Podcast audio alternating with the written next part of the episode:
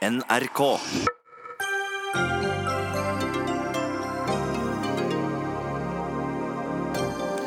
Striden om eggdonasjon har ridd Høyre i lang tid. Nå gjør partiet seg klar til neste vanskelige verdidebatt, nemlig surrogati.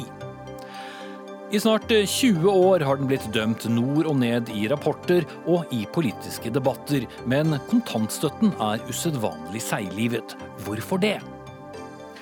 Er det greit om danseinstitusjonene kurser kritikerne som skal kritisere dem? Og hvor logisk er egentlig denne sendingen? Vi skal sjekke med ekspertisen.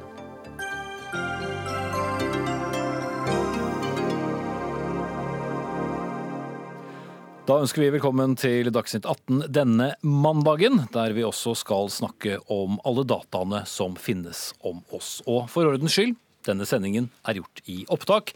Jeg heter Espen Aas. Mens det trolig går mot et flertall for eggdonasjon på Høyres landsmøte over påske, er enda en verdidebatt i emning, nemlig surrogati. Altså om en annen kvinne kan bære frem barn for deg. Leder i Åpne Høyre, altså det partiet selv kaller en utviklingsarena og talerør for skeiv blå politikk, Helge Ytterøy Lorang, dette er noe du syns er greit? Jeg syns det er en god idé. For meg handler det om at vi ikke skal nekte noen som på frivillig basis og uten at det skader noen, kan skaffe seg et veldig, veldig ønsket barn. Og så er jo dette mye mer enn en et skeivt spørsmål. Det er mange årsaker til at kvinner ikke kan, kan føde barn selv. Og når vi har mulighet, så mener jeg det er riktig at de, så lenge det er frivillig og uten å skade noen, kan, kan få hjelp til å få barn. Mm. Som med debatten om eggdonasjon, så er partiet delt i to fløyer her. Og Margaret Hagerup, stortingsrepresentant for Høyre og medlem av partiets prinsippkomité. Du har da det andre synet. Hva har fått deg til å lande på det? Det er jo delvis pga. at den teknologiske utviklingen går veldig raskt. Det skaper mange nye etiske dilemmaer. og Derfor må vi tenke oss grundig om før vi tar en avgjørelse. Jeg har diskutert dette veldig lenge, og det er vanskelig. For det er veldig mange som er i situasjonen der de er født etter surrogati, de er født etter assistert befruktning. Så det er vanskelig å ta en diskusjon basert på at de òg er en del av dette her. Men jeg mener at vi må tenke på barnets beste, og at det er staten som skal Staten skal ikke definere fedreskap eller farskap, morskap. Det er familien som skal opprette seg sjøl. Og med å si ja til surrogati, så tar du et langt skritt i retning av at foreldreskap ikke er så viktig at det kan staten definere. Lorang? Det er jeg helt uenig i. Det er ikke slik at staten tvinger deg til eller, eller gir deg å ta fra deg noen rettigheter. Det er snakk om å gi tilbake muligheten til de som ellers ikke kan få barn, til å få et veldig etterlengtet barn. Og det er jo ikke slik som det fremstilles. Fra Canada så kjenner vi til at de fleste surrogatmødre mener at de gir faktisk noe tilbake til foreldre som har et veldig sterkt ønske om barn. Bare ta opp en annen ting også, Hagerup. Prinsippkomiteen i Høyre har jo slitt med mange av disse, eller i hvert fall diskutert mange av disse verdispørsmålene. Er det spesielt vanskelig i et parti som Høyre? Det er jo spesielt vanskelig, for vi har jo hele bredden. Vi har de som er liberale, vi har de som er konservative, og vi har de som står midt imellom og prøver å finne ut hva side de skal lande på. Og jeg kan jo si at I eggdonasjon spesielt så er det mange som har brukt lang tid på å bestemme seg. Men det er en bevegelse i samfunnet, og det som en ser på debatten vi hadde i fjor på landsmøtet, så var det jo et klart nei til surrogati. Men nå ser en at det har beveget seg mot dette året her, der flere fylkeslag er mer positive til å åpne for surrogati. Jeg har snakket med jeg, bare, et øyeblikk, Lorang. Jeg har snakket med også flere i, i, Høyre den siste tiden som sier at så fort man åpnet om du vil, den døren for eggdonasjon, så følger dette etter. Mener du da også at dette kanskje vil være en tapt kamp, da, sett med, med dine øyne, Hagerup? Jeg mener at Hvis landsmøtet går inn for ja til eggdonasjon, så mener jeg at skrittet er betydelig nærmere til surrogati. Og det er jo de som allerede nå i dag mener at det egentlig teknisk sett er det samme, for du skiller egget fra livmor. Mm. Og det er vel uh, god musikk for deg, Lorang? Jeg mener jo at uh, surrogati kan være en god løsning så lenge, og det ligger jo også i forslaget til Høyres landsmøte, det er såkalt alturistisk surrogati, som, for, som, forventer at det skjer på frivillig basis, og at det skjer i ordnede og, og trygge rammer. Det syns jeg er en svært viktig premiss. Uh, og det er jo sånn at Dette har vært brukt i mange land i mange år. Det er mer enn 30 års erfaring. Land som Storbritannia, Canada, Nederland og Israel har hatt dette i lang tid. Og Dette har vært drøftet lenge. og Jeg vil faktisk berømme partiet for å ta en så grundig og god debatt om dette, og at vi har brukt den, dette siste året på å få frem argumenter for og imot. Jeg syns det vitner om både takhøyde og, og at vi har kommet langt i at vi kan diskutere dette på en ryddig måte. Det er ikke bare dere som eh, har diskutert dette. Vi skal nå over til nestleder i Bioteknologirådet, Sigrid Bratli. Eh, dette har også vært en sak som eh, dere har brukt grundig og god tid på. Ja, det stemmer. Jeg vil først presisere at jeg er nestleder i Bioteknologirådets sekretariat. Og det er vi som står på en måte for det faglige eh, innholdet i det som rådet diskuterer. Men dette her har jo vært en viktig sak for rådet. Vi eh, jobbet med den under evalueringen av bioteknologiloven i 2015. Og det er en av de sakene som har skapt mest debatt i rådet. Og det er jo nettopp fordi at det er så Bare for mange å presisere en ting ulike først. Dere har jo selvfølgelig også falt ned på, et, uh, falt noe, falt ned på én side her. Ja, eh, Rådet er enstemmig eh, enig om at det i hvert fall ikke skal tillates eh, kommersiell surrogati. Og så er det et stort flertall som mener at det heller ikke bør tilbys altruistisk surrogati. Mm. Så det er tilrådningene fra Rådet. Og bare for å forklare våre seere og lyttere den forskjellen. Ja, altså Kommersiell surrogati er der man betaler noen altså man, eh, mer enn en godtgjørelse av utgifter. At man betaler noen for å bære fram og føde et barn for seg. Mens altruistisk surrogati det er når noen da tilbyr det som en, en slags vennetjeneste. Om du vil man da kan få kompensasjon for de utgiftene et svangerskap medfører, men ikke mer enn det. Mm, som er det du uh, støtter, Lorang, og som også partiet Venstre har støttet. Men hva har vært da de argumentene som har veid tyngst, sett med deres øyne? Ja, altså Når rådet har diskutert dette, så er det jo først og fremst sånn at man alltid legger til grunn at det er barnets beste som, som styrer disse diskusjonene. og uansett hva som er tillatt og ikke, så er det viktig at rådet, eller rådet fremhever at et barn født etter surrogati skal ha de samme rettighetene og mulighetene i livet som andre barn. Men når det kommer til for og mot eh, hvorvidt det skal tillates eller ikke, så er det ulike argumenter som vektlegges. Det er jo særlig de etiske aspektene som er viktige i denne diskusjonen. Rådsmedlemmene mener at det er etisk uakseptabelt å betale noen for å bære fram et barn. Og de er også redd for at det kan da føre til at man kommer i en situasjon hvor kvinner kan utnyttes, mm. og potensielt at, at barnet kan bli en slags handelsvare. Når det kommer til altruistisk surrogati, så er det jo litt i samme linje, men det er, det er fremdeles på en måte etikkbasert. Men det at man da legger opp til at et, et, en mor skal da, eller en kvinne skal føde et barn, for så å gi det fra seg, at det er en etisk problematisk eh, eh handling. Mm. Rang, hva, hvordan virker disse argumentene inn på deg? De, jeg må si dette, For meg handler dette også litt om kvinnenes rett til selv å bestemme over egen kropp. Eh, kvinner har i dag, og skal fortsatt ha, en selvstendig rett til å bestemme om de vil gi liv, og, og, også om de ikke vil gi liv. Altså De har i dag gjennom abortlovgivningen retten til ikke å gi liv. Hvis det er noen frivillige som ønsker å gi liv, så mener jeg det kan, kan være en god løsning og bidra til at flere kan få egne barn. Så er det jo interessant at i Sverige så har, der har det Statens medisinsk-etiske rådet allerede for tre år siden konkludert med at alturistisk surrogati bør være tillatt. Så man skal ikke langt for å se at uh, vurderingene kan være annerledes enn det som er gjort av Bioteknologinemnda i Norge. Margit Hangrup, Vi skal jo ikke eh, se bort fra at eh, det er jo andre måter å ordne seg dette på som gir samme, samme resultat via naturens side. Vil ikke dette nærmest gjøre det mer ordnet? At man kan lettere holde styr på genlinjer, arverekkefølge osv.? Nei, jeg tror jo ikke det. For dette her, eh, jo lenger en går i, det, i denne retningen, jo vanskeligere blir, vil det jo bli å regulere dette her. Hvis en skal ta et eksempel på surrogati, vel, så var i Borgerting lagmannsrett så var det jo et par som reiste til USA. Der de fikk eh, surrogatmor som ble gravid og alt var fint. Så ble, går de fra hverandre. Og så blir jo da spørsmålet hvem har foreldreskapet til, dis, til, dette barnet når de kommer til Norge. Der var jo Borgerting lagmannsrett klare på at det var faren som var. Det er jo bare ett av eksemplene på hvilket eh, dilemma en kan komme opp i her. Og så snakker Lorang om kvinnens rett til å bestemme over egen kropp. Og dette blir jo ofte en rettighetsdiskusjon i forhold til at voksne skal få lov å reprodusere seg. Men så må vi ikke glemme at barnets beste og Barnekonvensjonen sier at barn har rett til å kjenne og være, bli kjent med sitt opphav. Eh, og Det mangler jo litt i denne diskusjonen. Og så er det mange barn som dessverre ikke har gode omsorgspersoner i dag, som blir forlatt av sine foreldre. Da har du adopsjon som et alternativ. Og Det blir ikke anerkjent av noen i denne debatten, for da sier en at det har ikke noe med denne saken å gjøre.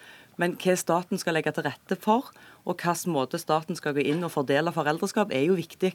For vi må tenke på de barna som allerede er her, og de som ikke er født. Mm. Jeg, er he jeg, er helt enig med, med Hagerup i at vi må sikre de barna som er født. Og jeg tror vi kan være enige om at vi må sørge for å gjøre det lettere å adoptere for de som ønsker det. Samtidig er ikke det et alternativ for alle. Og um, jeg er litt overrasket over denne debatten om hva som er barnets beste. Det er for meg en gjenklang av debatten vi hadde for 15 år siden om homofile skulle få ha barn eller ikke. Da var det hele tiden argumentet nei, vi må tenke på barnets beste, vi vet ikke konsekvensene, hvordan vil dette utvikle seg. Og vi ser at dette går veldig, veldig bra. Man har 30 års erfaring med surrogatbarn.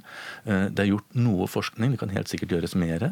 Og så mener jeg også at eh, ved å tillate det i Norge, så vil vi ha muligheten til nettopp å sikre at de kjenner sitt biologiske opphav på en helt annen måte enn om dette skjer i utlandet.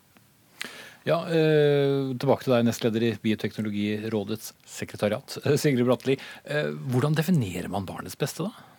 Det er et veldig vanskelig spørsmål. Som sagt, altså, Det har ikke nødvendigvis vært det som har vært utslagsgivende for hvordan rådet har landet i denne saken, men det ligger alltid der som en sånn grunnbjelke når saker diskuteres i Bioteknologirådet. Men i dette tilfellet så er det etikken rundt det med forplantning og hvordan det på en måte tingliggjøres, som har vært sentralt for rådet. Men, men eh, jeg vil si at alltid så, så er det barnets beste som, som ligger som, som bakteppe for eh, rådet.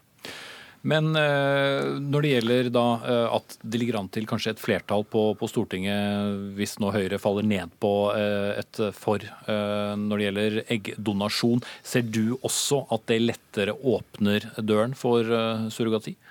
Det mener jeg er et spørsmål om hvordan vi regulerer ting. Vi kan godt regulere det ulikt, men da må man ha noen gode skranker der for hvordan man skiller mellom de to tingene. Men det er ikke noen tvil om at bioteknologiutviklingen går veldig raskt, og vi har noen ganske krevende diskusjoner foran oss som handler om veldig mye mer enn surrogati og eggdonasjon. Mm. Ja, ja, for jeg, jeg, jeg, vil henge meg på det siste som ble sagt. for Kanskje blir det jo sånn i fremtiden at vi ikke lager barn lenger.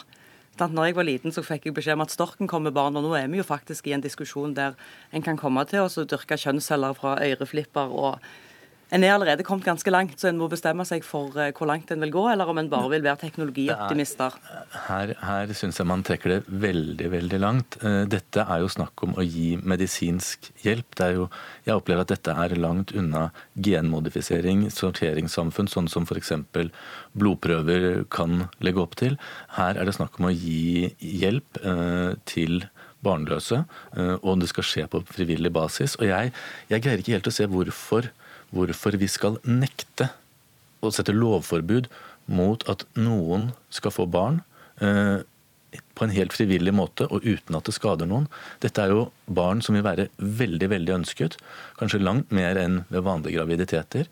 Og det borger for at de har en mye større sannsynlighet for en trygg og god oppvekst enn, eh, ved ordinære graviditeter. Det er i hvert fall dukket for en eh, spennende verdidebatt når Høyre eh, har sitt landsmøte over påske. Vi sier eh, takk til Helge Ytterøy Lorang, som er leder i Åpne Høyre. Takk til Margaret Hagerup, som er stortingsrepresentant for Høyre, og nestleder i Bioteknologirådets sekretariat, Sigrid Bratteli. Dagsnytt 18 alle hverdager kl 18.00 på NRK P2 og NRK2.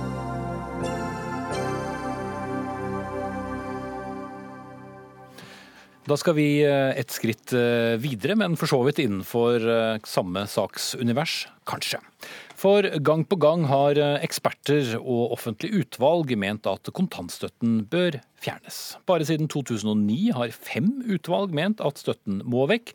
Likevel har den overlevd. I år fyller den 20 år, og de første kontantstøttebarna er vel faktisk snart i ferd med å bli skattebetalere selv. Olaug Bollestad, eh, stortingsrepresentant for KrF. Dere er jo kontantstøttens aller varmeste forkjemper, eh, og har vel sånn sett overhørt mange av disse ekspertrådene. Hvorfor har det vært så viktig? For KrF så er det viktig at eh, foreldre og familier har en valgfrihet sjøl. Her snakker vi om ettåringer nå. Om de velger å være hjemme eller være med ungene sine i barnehage. Det unike valget mener vi at vi skal legge opp til at skal være mulig. Derfor har vi òg jobba sammen med de to andre partiene her og Venstre og fått økt kontantstøtten akkurat for disse. For valgfriheten skal være reell. Unger er forskjellige, familier er forskjellige. Og KrF tenker det valget vet familiene best. Så vet vi at det er full barnehagedekning, men allikevel så mener vi at dette valget skal ligge hos foreldrene. De vet hva deres unger trenger aller, aller best. Og staten skal legge til rette for at det er et reelt valg. Mm. Det er bakgrunnen for at vi fortsatt står opp for kontantstøtten.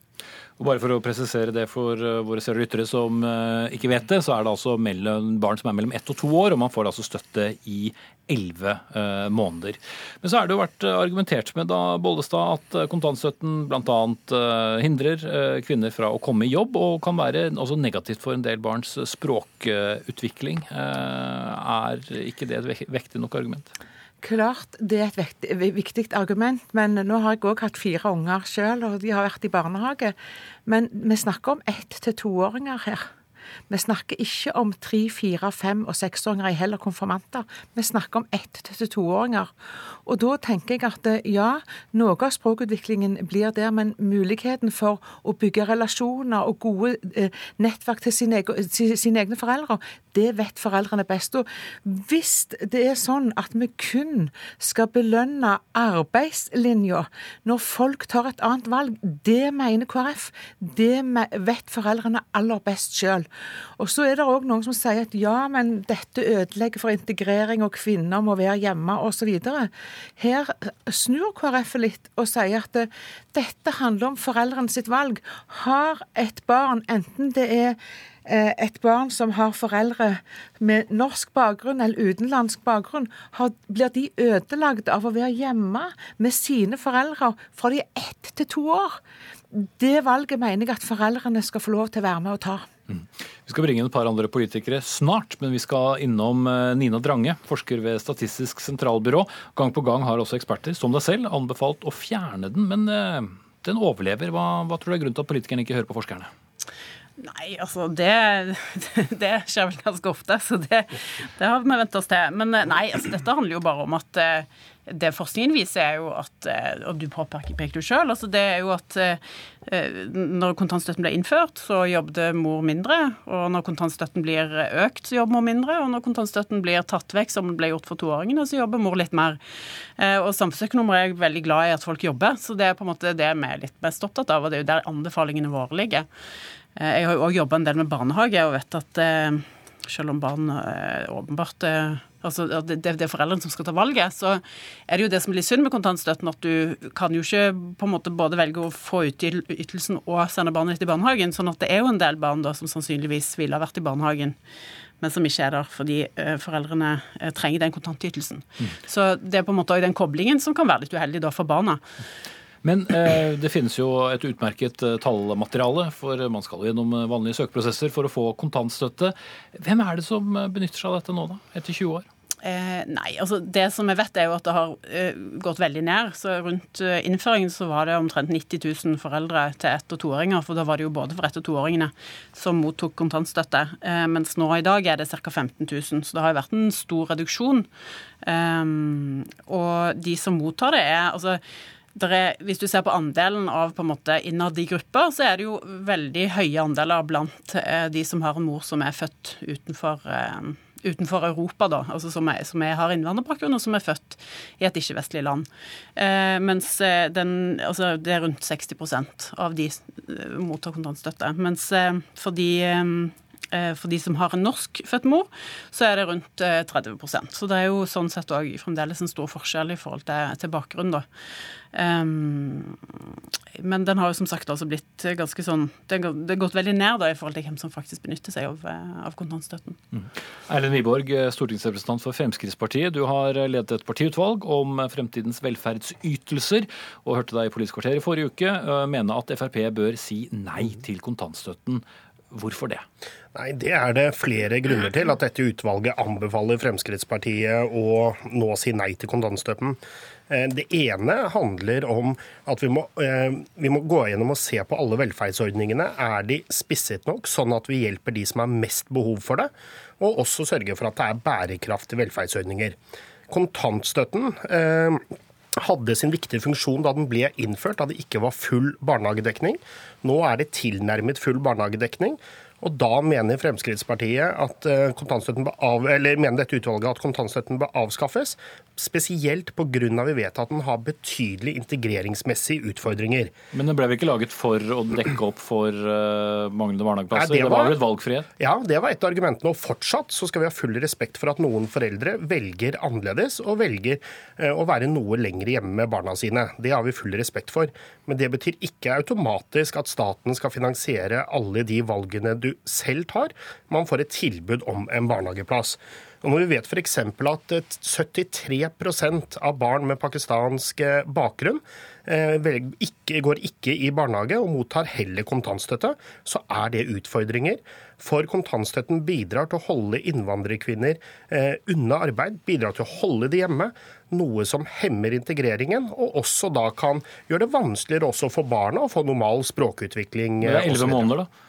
Ja, det er elleve måneder, men allikevel så også viktig å huske at denne ordningen har frem til nå er det vel rundt 50 milliarder kroner den har kostet. I statsbudsjettet for i år er det vel satt av 1,8 milliarder kroner, så du snakker om et betydelig beløp.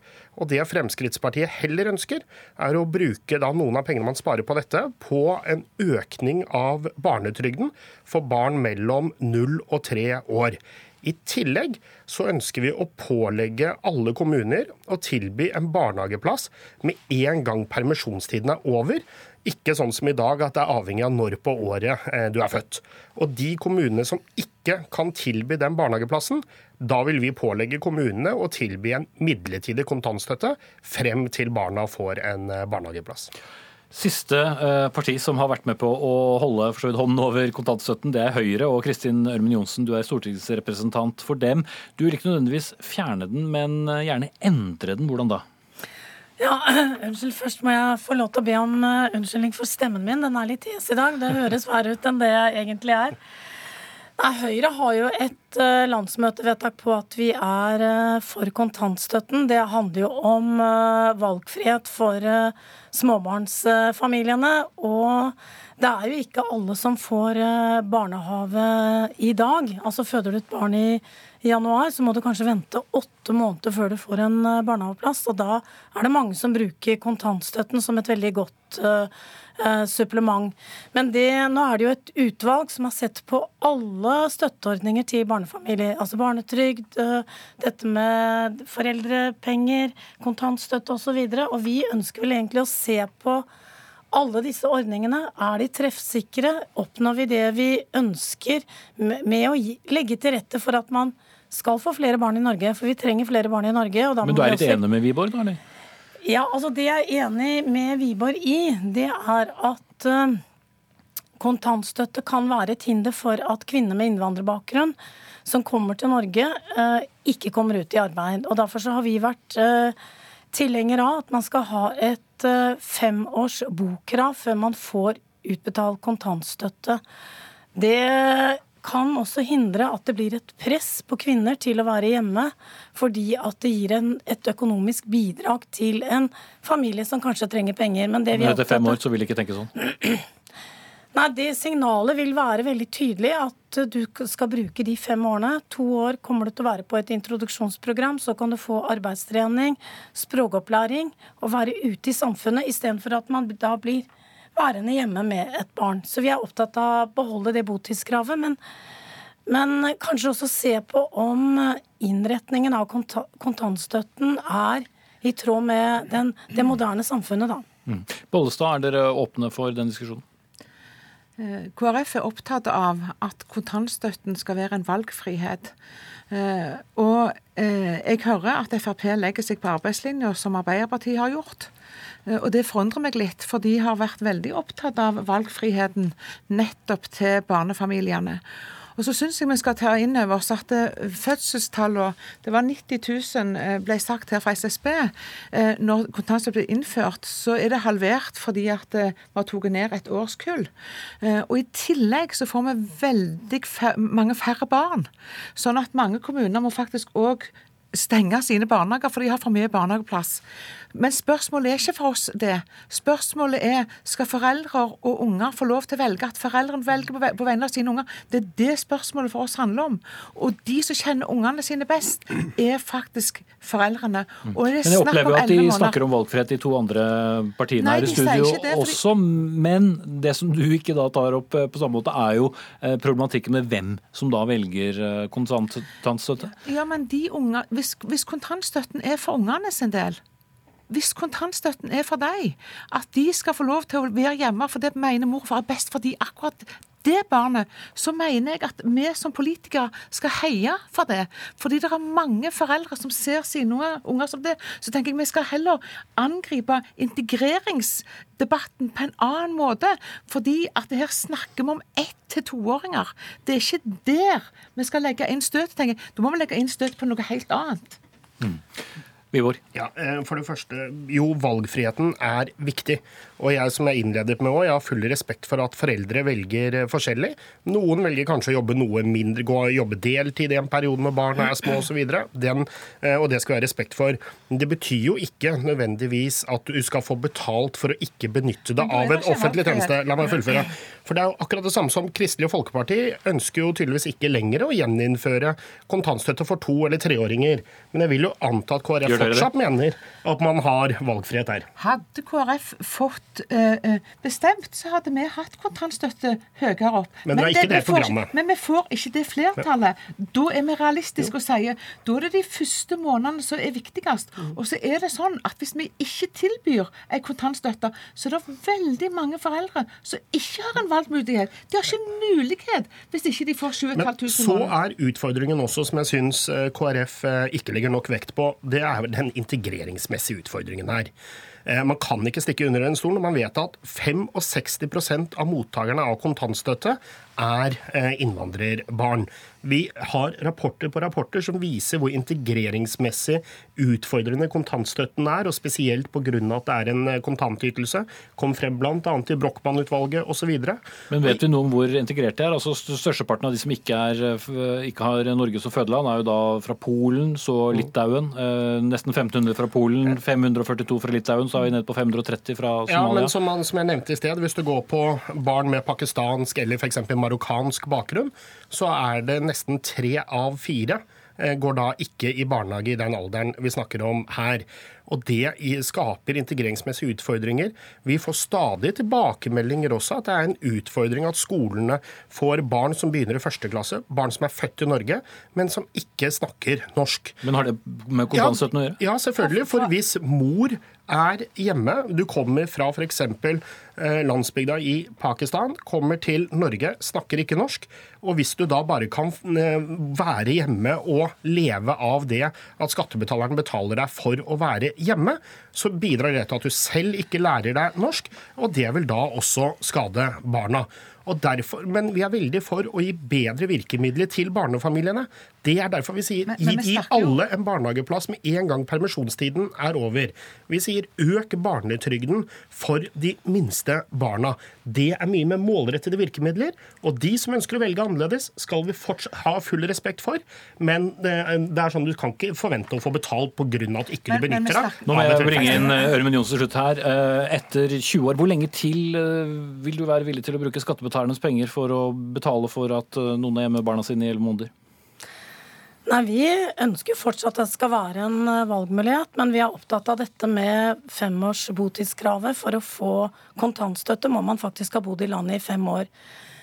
Men jeg Og med det kravet så er det greit. Ja, men jeg syns Men kanskje ja, men jeg syns, ja, det er innført, og vi, men KrF ønsker jo å avvikle det. Mm.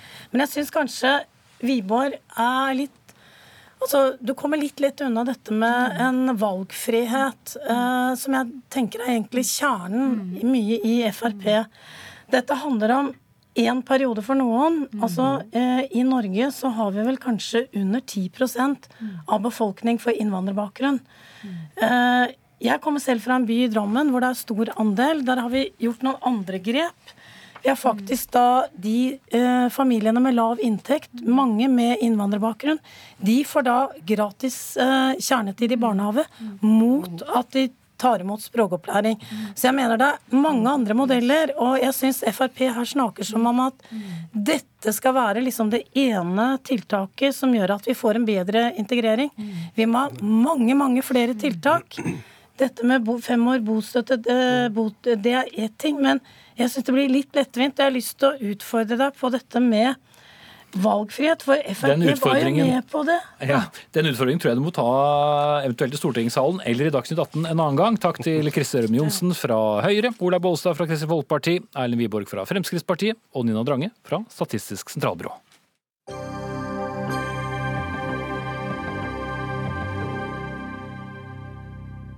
Og med det så er vi faktisk halvveis i Dagsnytt 18, vi, og har lagt uh, to debatter bak oss. Argumenter fra minst to sider, men uh, hvor logisk var debattene? Vi har søkt uh, eksperthjelp fra Ole Hjortland, forsker på logikk og rasjonalitet, og også førsteamanuensis i filosofi ved Universitetet i Bergen. Og Hjortland, hvis vi tar først surrogatidebatten vi hørte i starten av sendingen mellom Høyre og Høyre. Eh, hva kjennetegnet den? Jo, Det som eh, kjennetegner debatten først og fremst, er jo egentlig at den er eh, ganske ryddig og sivilisert. Hvis vi nå tenker tilbake på den debatten vi har hatt de siste ukene etter mistillitsforslaget mot, mot Listhaug, så er det jo klart at her er, det, her er, det, en debatt hvor uh, man f.eks. ikke har sånne tendenser som uh, personkarakteristikker, ad hominem uh, argumenter, argumenter som går mot person i den, i, i den samme påstand. Så det er jo det positive, da. Um, og mer sånn generelt så kan jeg si det at altså det som preger denne spesifikke debatten, og veldig mange etiske debatter, det er at argumentasjon er en såkalt konsekvensargumentasjon. Og Det vil si at man forsøker å ta stilling til hvorvidt man skal eh, tillate at noe kan gjøres eh, eller ikke. Altså om noe bør gjøres eller ikke. Eh, ved å se på hvilke konsekvenser praksisen vil ha. Og her er det da sånn at eh, Den ene siden, som er for surrogati, de legger mer vekt på noe som de mener er positive konsekvenser, mens den andre parten, de som er motstandere, legger vekt på eh, negative konsekvenser. Så det er ett trekk. Og et annet trekk er det at eh, sånne debatter ofte også eh, Altså, De beror mer på fundamentale verdier som eh, ulike parter i debattene har. og Da får man gjerne prinsippargumenter. Altså Argumenter som beror f.eks. på eh, barnas rettigheter, på foreldrenes rettigheter eller på pliktene som foreldrene har overfor, eh, har overfor barna. Så det er to helt generelle trekk, kan du si. Mm. Eh, og selvfølgelig felles eh, for alle, eller veldig mange av disse debattene er at det finnes jo ikke noen fasit. Eh, og med surrogati så handler det om hvorvidt man skal innføre noe, og vi vet ikke noe om eh, hvordan dette vil fungere under eh, norske eh, forhold. Så hvordan forsøker de debattantene da å på en måte appellere til de som ikke har bestemt seg, f.eks.? Ja, altså, Det at det ikke finnes en fasit, det betyr jo ikke at det, eh, at det ikke er sånn at det finnes noen svar som er gode og noen svar som er dårlige. Og det å prøve å utrede hva konsekvensene av å gjøre noe lovlig, eller at det skal forbli forbudt er, det er jo en måte å finne ut hva som er gode svar, hva som er dårlige svar på. Um, når det er sagt, så er det jo klart at uh, i all den tid um, disse ulike partene skal eh, forsøke å overbevise personer som har andre verdier enn de, så brukes det jo også noen ganger en del retoriske grep for å sette følelser i sving hos, eh, hos, tilhørerne. Og Det ser vi jo også til dels i denne debatten her. Altså Noe av det vi hører, det går på spesifikke kjente erfaringer man, har med surrogati i andre land f.eks. Mens andre argumenter, eh, som man kanskje kan beskrive som litt mer vage, eh, de går på sånn mulige ting som kan skje. F.eks. går den teknologiske utviklingen som fort. En av de tingene vi hørte for eksempel, det var spørsmålet vel, eh, kommer vi til å få barn på naturlig måte i det hele tatt i fremtiden. Og Det er klart at det fremstår jo kanskje litt mer eh, søkt, men det spiller på noen følelser eh, hos eh, tilhørerne. Og Det samme gjelder argumenter eh, til en viss grad som handler om, eh, om hva som er naturlig og hva som ikke er naturlig. En ting som vi også hørte i debatten, det er at staten skal ikke legge seg opp i å definere farskap og å definere morskap. Og I det ligger jo det en tanke om at dette er noe som er definert fra naturens side allerede, så det skal ikke vi legge oss opp i. Og eh, øh, Motparten igjen da svarer selvfølgelig at dette stemmer jo aldeles ikke. Altså Staten ligger seg jo allerede i, i stor grad opp i hva som er farskap og hva som er eh, morskap. Eh, her er det et spørsmål at man ikke skal stille seg i veien eh, for eh, ting som folk ønsker å gjøre frivillig, og som da denne siden av debatten mener heller ikke har noe eh, skadevirkning for verken barn eller foreldre. Mm. Du og din eh, kollega Pål Antonsen, som ikke kunne være med i dag, som er postdoktor i filosofi, dere har nå begynt med disse logikksjekkene. Hvorfor gjør dere det? Jo, altså, Det er jo eh, fordi vi ønsker å bidra til en, eh, altså, eh, et offentlig ordskifte med eh, bedre og mer etterrettelige argumenter. Så vi er jo begge interessert i logikk som uh, forskning, og så følger vi med på samfunnsdebatten også. Så har vi sett da i mange sammenhenger at uh, vi skulle ønske oss et bedre debattklima. Og med det så mener vi spesifikt uh, bedre argumenter, færre feilslutninger, færre retoriske grep som brukes istedenfor for argumenter. Og der er det mangelvare på, på logikk? Ja, det vil jeg si. Eh, altså, det er jo klart at det finnes jo mange debatter som er verre enn den vi har i Norge. Altså, mange vil jo tenke f.eks. at eh, i USA så har man eh, nå en offentlig debatt som er preget av uh, mye mer uredelige retoriske grep enn den debatten som vi har i Norge. Men det betyr jo ikke at den debatten vi har i Norge er optimal heller. Jeg tror det at de fleste kan si seg enig i at i f.eks. en sånn debatt som går på konsekvensen av å gjøre noen ting lovlig eller å holde det ulovlig, så hadde det vært en fordel om de som ledet debatten, i større grad trakk inn spesifikke forskningsresultater, eh, erfaringer som man har gjort seg med eh, dette i andre land, for å bygge opp under påstander om at dette vil ha negative konsekvenser, dette vil ha positive konsekvenser. Rett og slett eh, arrestere debattantene?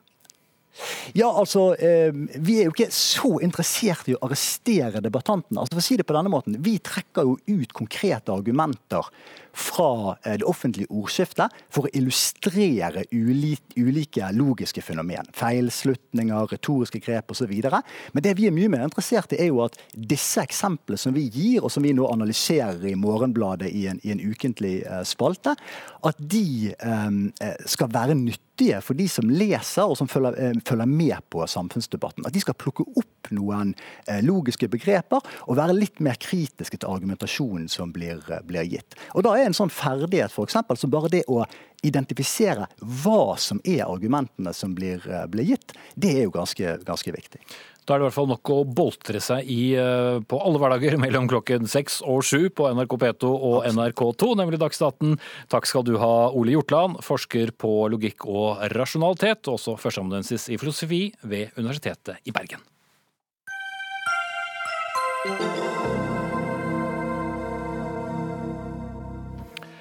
I eh, forrige uke sprakk nyheten om at analyseselskapet Cambridge Analytica skal ha samlet inn personopplysninger om opptil 50 millioner Facebook-brukere.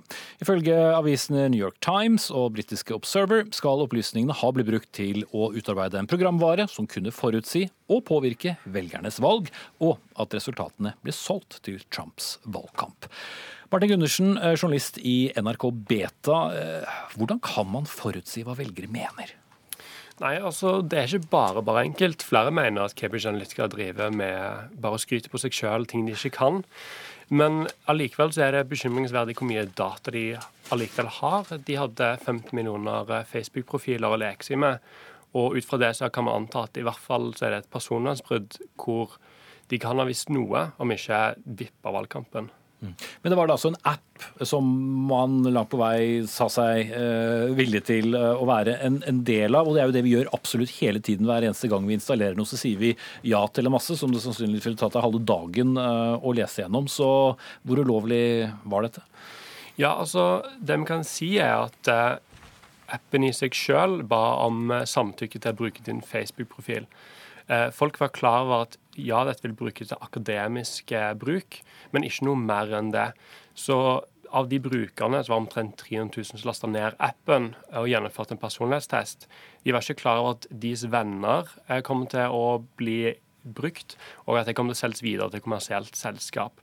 Og det her Facebook sier at ja, det var ikke nødvendigvis et eh, data lekkasje, men man mener at det var tillitsbrudd. fordi man skulle ikke latt et selskap hente ut dataen på den måten, og de burde hatt bedre kontroll med dataen vei ut av Facebook. Mm.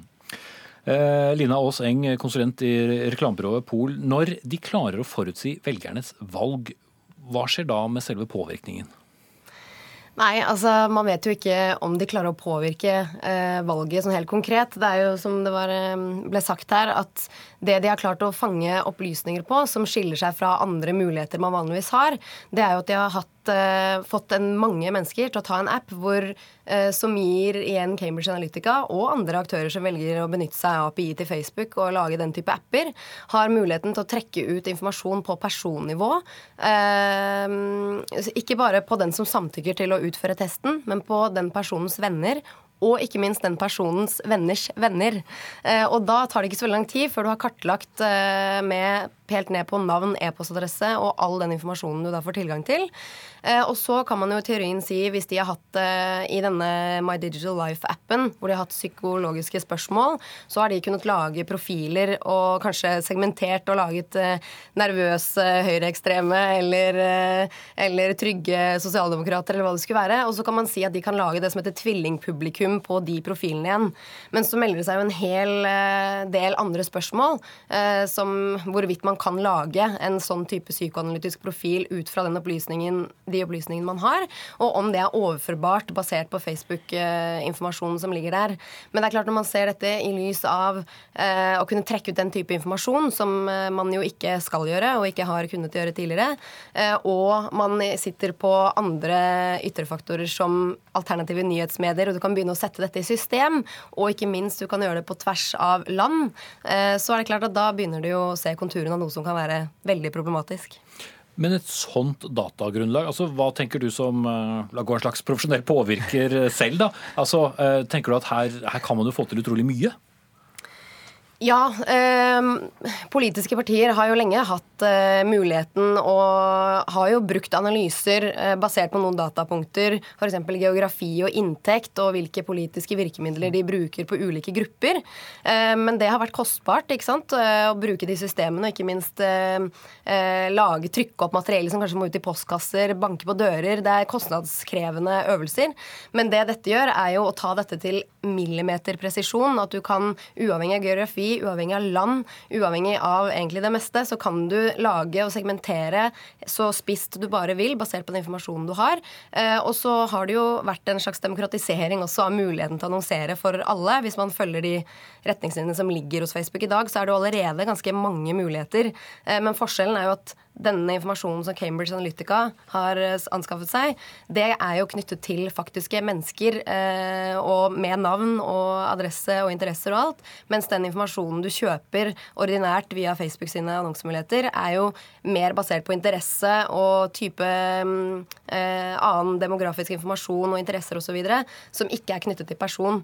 Eh, men ja, det jo mm, Det har jo blitt skrevet eh, om det også av norske selskaper som har oppdaget at dette er mulig, eh, men som ikke har hatt samme hensikter da, som eh, å påvirke presidentkampanjer eller, eller, andre politiske motiv. Men ja, det er mange ting som har vært mulig, og det har vært mulig lenge. Og det har vært et dilemma, eller i hvert fall en diskusjon blant mange annonsører og politiske partier også, hvorvidt man skal bruke dette eller ikke. Men så vidt meg bekjent så har man valgt å avstå fra det som har vært i gråsonen. Bjørn Erik Thon, direktør i Datatilsynet. Altså Cambridge Analytica avviser så langt anklagen om at selskapet har misbrukt disse dataene. Slik du ser det, har de gjort noe ulovlig? Eh, det kan vel se ut som det er eh, skyld på begge sider her. Eh, nå kommer det jo nye opplysninger i denne saken hver eneste dag, så akkurat hvor skyldfordelingen kommer til å ende, det får vi nå se på. Det er jo også sånn at Det britiske datatilsynet nå har gått inn og gransket denne saken. Å, og de gransker jo da først og fremst Cambridge Analytica for å se om de har gjort noe, gjort noe galt. Men jeg er jo enig i de beskrivelsene som har vært gitt her. Altså Facebook har antageligvis hatt veldig dårlig kontroll på datastrømmen sin. Og så har Cambridge Analytica utnyttet det hullet til å lage personprofiler som liksom oppsatt til norske forhold, ville betydd at eh, et politisk parti kunne visst at eh, om det var en abortmotstander eller tilhenger, om du var for eller mot eh, innvandring, hva slags synspunkter du hadde på miljø. Så det er veldig, veldig alvorlige ting. Men det denne saken viser veldig godt, det er at det er behov for regulering av hvordan man bruker data. Eh, for eh, vi får snart et nytt regelverk i, Europa. Som, som, ja, vi har jo et regelverk som regulerer deler av dette allerede. Men et regelverk som kommer til å stille mye strengere krav til hvordan ja, et selskap som Facebook, et selskap som Cambridge Analytica, faktisk skal ha oversikt over datastrømmen som går i selskapet. Hva dataene egentlig brukes til. Hvordan samtykker innhentes. Så det er masse sånne ting som kommer. Eh, og Eh, blant annet så kommer det et nytt krav om at man skal gjennomføre konsekvensutredninger. Altså Man skal finne ut hva er det som kan gå gærent hvis jeg behandler data på den og den måten. Sånn som Facebook da har bomma på her sånn. Hvis de hadde gjort det, eh, så er jeg ganske sikker på at de hadde klart å avdekke det hullet eh, som, de, som altså Cambridge Analytica og kanskje andre også har funnet, og klart å tette det. Men vet vi egentlig hvor mye data som foreligger? Altså, hvem har vel ikke blitt litt overrasket over at du får reklame for uh, akkurat den telefonen som du nylig søkte på osv.? Du hører historier om folk som har uh, fått seg ny kjæreste og plutselig så er det reklame for gifteringer eller barnehageplasser osv. Vet vi nok om hvor mye data, altså hvordan uh, data samles inn? For det er vel ikke bare hva du gjør på, på, på, Facebook her, Martin Gundersen? Ja, det er jo flere som har trodd i USA at Facebook lytter på deg via telefonen din. Eh, og det avviser jo Facebook, og sannsynligvis er det helt feil. Eh, men det det handler om, er at Facebook og andre aktører som Google kjøper og selger data for å finne ut eh, hvem jeg kan være, kan jeg være tilbøyelig for å kjøpe noe. De deler ikke rådataene, og det er det Cambridge Analytica har fått tilgang til, som er problemet. Men allikevel så kjøpes og selges vi som forbrukere over en lav sko, og jeg kan eh, som en selskap da eh, finner kanskje at du var i en skobutikk, og derfor kan jeg antyde at kanskje nå vil du ha sko. Hvem vet. Eh, og det er jo dette som folk eh, er litt bekymra over når du faktisk ser det dukke opp i egen nyhetsstrøm. Mm. Eh, Lina Åseng, altså, hva er tilgjengelig i dag, da, hvis et politisk eh, parti har lyst til å kartlegge norske velgere før fylkes- og, kommune- og fylkestingsvalget neste år, f.eks.? Nei, altså Mye er tilgjengelig i dag. Eh, og det er fortsatt eh, Altså Når man kjøper annonsering i de to store digitale økosystemene, Google og Facebook, som stort sett har mange av de samme produktene, så er det mange måter å gjøre det på. Eh, men det som eh, Altså, du kan enten kjøpe dataen av de, og da kjøper du jo ikke, som jeg sa i stad, du kjøper jo ikke folk med navn og, og, nummer, men du kjøper interesser. Du kan også gå Du snakket i stad om miljøprofil osv. Det er ikke noe vanskelig i dag å lage segmenter på Facebook rettet mot eh, folk som er interessert i miljøvern, og som liker MDG og Natur og Ungdom og en del andre liksom, faktorer som du selv kan sitte og definere. Eh, og at de også kanskje bør bo i på et spesielt sted. Eh, den type informasjon er helt eh, Det kan man lett eh, gjøre i dag, både i Google og Facebook. Men så har du også mulighet til å laste opp egen data, og det er der dette GDPR, nye personvernforordningen, kommer inn. Hva du bruker egne data til også. For der kan man i prinsippet laste opp egne data på kunder, medlemmer, hva det skulle være. Og så kan du finne de, matche de og annonsere rett mot de. Du kan ekskludere de hvis du ikke ønsker å bruke penger på de som allerede er medlem, f.eks. Eh, men du kan også lage tvillingpublikum, som det kalles, av de. Og det betyr at du kan Eh, finne da profiler som ligner. Og så kan du segmentere oppå det igjen at de skal bo i Oslo, og at de skal ha barn i en viss alder, eller at de skal være homofile, hvis du vil eh, treffe de. Altså Her er det enorme muligheter som det er. Eh, men den store forskjellen da fra, fra det som er tilgjengelig i dag, til Cambridge Analytica, det er jo at der får du helt ned på navn og mm. nummer, og alle Der er jo dataen knyttet til person. Så der kjøper du ikke lenger på interesse og, og andre parametere. Der kjøper du mennesker, for å si det på den måten, som jo kan brukes eh, av den du selger det til, til andre type måter å nå de på også. Helt ned til dørbank, i ytterste konsekvens. Men òg når du da skalerer dette opp til et globalt nivå, for det er jo det disse, disse globale systemene også gir deg mulighet til, så kan du da i prinsippet sitte hvor som helst og eh, selge den dataen dataen og påvirke i helt andre land og med andre typer hensikter. Og så er det da de ytre faktorene med alternative medier. Og når du da sitter på flere sånne faktorer, så er det klart at da begynner det å se ut som et litt farlig spill. Mm. Det bør kanskje ikke være overraskende, for vi sier jo ja til eh, det aller meste hver eneste gang vi installerer en app eller en programvare. Ting vi får 30-40 år siden ville sittet kanskje timevis eh, og lest igjennom. Men har vi egentlig noe valg? Altså, er, det, er det litt sent å forsøke å, å, snu det nå? Ja vel, vi får et uh, nytt uh, lovverk, men uh, til sjuende og sist så har vi vel valgt dette. Vi, vi, har et regelverk i dag som er fra år 2000. Det er 18 år gammelt. Og det er normalt sett ikke så veldig gammelt til et lovverk å være, men akkurat på dette området så er det veldig gammelt. Og jeg synes jo sånn sånn stort sett, altså Det har skjedd en del ting de siste årene, mens i fremtid for et par år siden så syns jeg egentlig vi har klart å regulere markedet ganske godt eh, med det regelverket vi har hatt. Eh, og Nå kommer det et helt helt nytt eh, modernisert regelverk som legger helt nye plikter på virksomhetene, som vi snakket om i stad, til å ha bedre oversikt over dataene. Og så styrkes rettighetene til forbrukerne i mye mye større grad også. Og Det er nok sånn at vi fortsatt kommer til å se at man trykker på noe uten at man helt vet hva det er. Men det skal nå komme nye regler som tvinger virksomhetene til å si klart fra hva de skal bruke dataene til, eh, som ikke har disse take it or leave it-løsningene. altså Enten så blir du med og lar deg profilere, eller så får du la være å bruke tjenestene våre. Eh, det kommer til å komme regler om at jeg kan flytte dataene mine fra et selskap til et annet, såkalt dataportabilitet, som er et veldig bra ord som folk kan lære seg med en gang.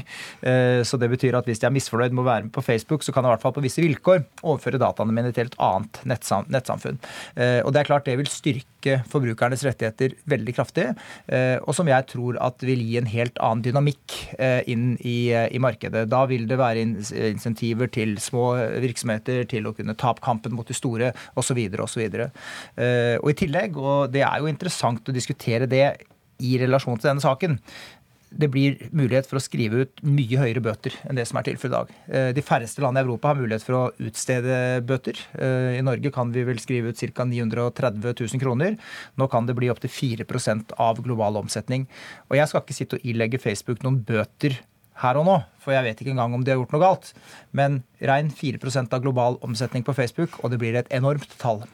Det kunne vi brukt mye tid på. Vi setter eh, strek nå. Takk skal du ha, Bjørn Erik Thon, direktør i Datatilsynet, Lina Aase Eng, konsulent i reklamebyrået Pol, og Martin Gundersen, journalist her i NRK Beta. Hør Dagsnytt 18 når du vil. Radio NRK Radio.nrk.no.